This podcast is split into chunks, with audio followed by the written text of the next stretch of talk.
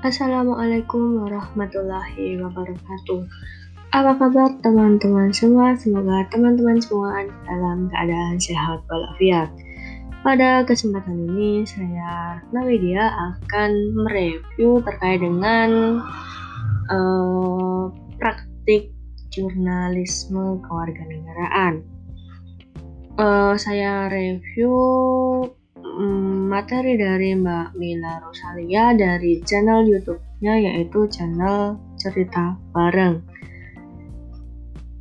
Oke, langsung saja kita akan review terkait dengan jurnalisme kewarganegaraan. Ini salah satu azas yang paling penting untuk jurnalis pengetahuan dan teori jurnalisme kewarganegaraan, dan apa yang membedakan antara citizen jurnalis dengan jurnalisme kewarganegaraan.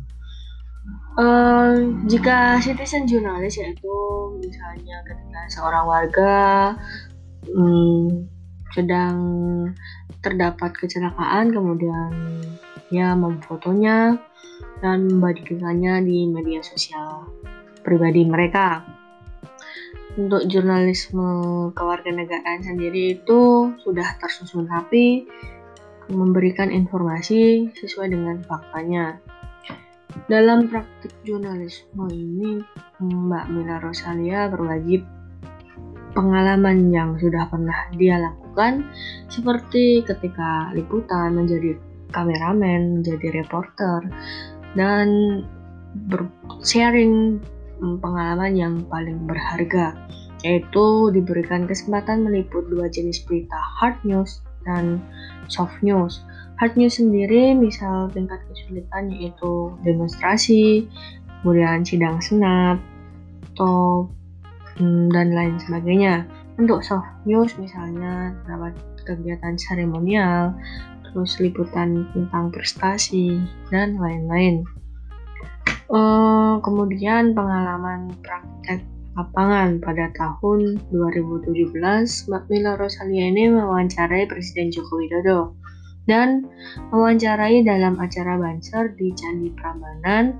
Terdapat apel nasional kemudian mewawancarai lagi Pak Presiden Joko Widodo. Dan bertemu dengan tokoh-tokoh penting atau mewawancarai tokoh-tokoh penting Muhammadiyah seperti Haidar Nasir dan sebagainya. Mbak Melaris Rosalia sendiri membagi hal-hal yang harus dilakukan ketika menjadi jurnalis kewarganegaraan berdasarkan pengalamannya. Oh, yang pertama yaitu perlu dasar menerapkannya 5W1H yaitu what, who, where, when, why, dan how. Kemudian tidak hanya mewawancarai satu sudut pandang orang.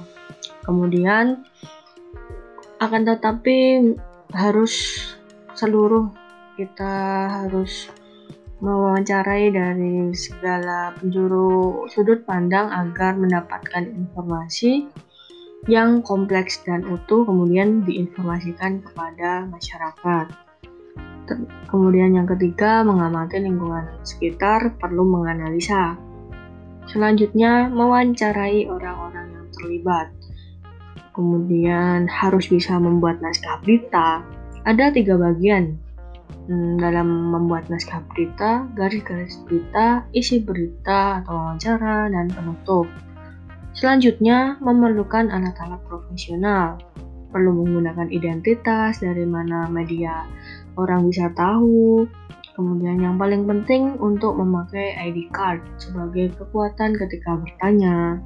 Uh, setelah itu, setelah mendapatkan berita terdapat proses-proses sendiri yaitu pusat dikirim ke pusat packaging nanti kumpulan berita se-Indonesia dalam satu packaging kemudian diberi tahu bahwa terdapat live report sedang terjadi peristiwa seperti bencana, demonstrasi yang urgent untuk diketahui masyarakat dan memang penting untuk diketahui.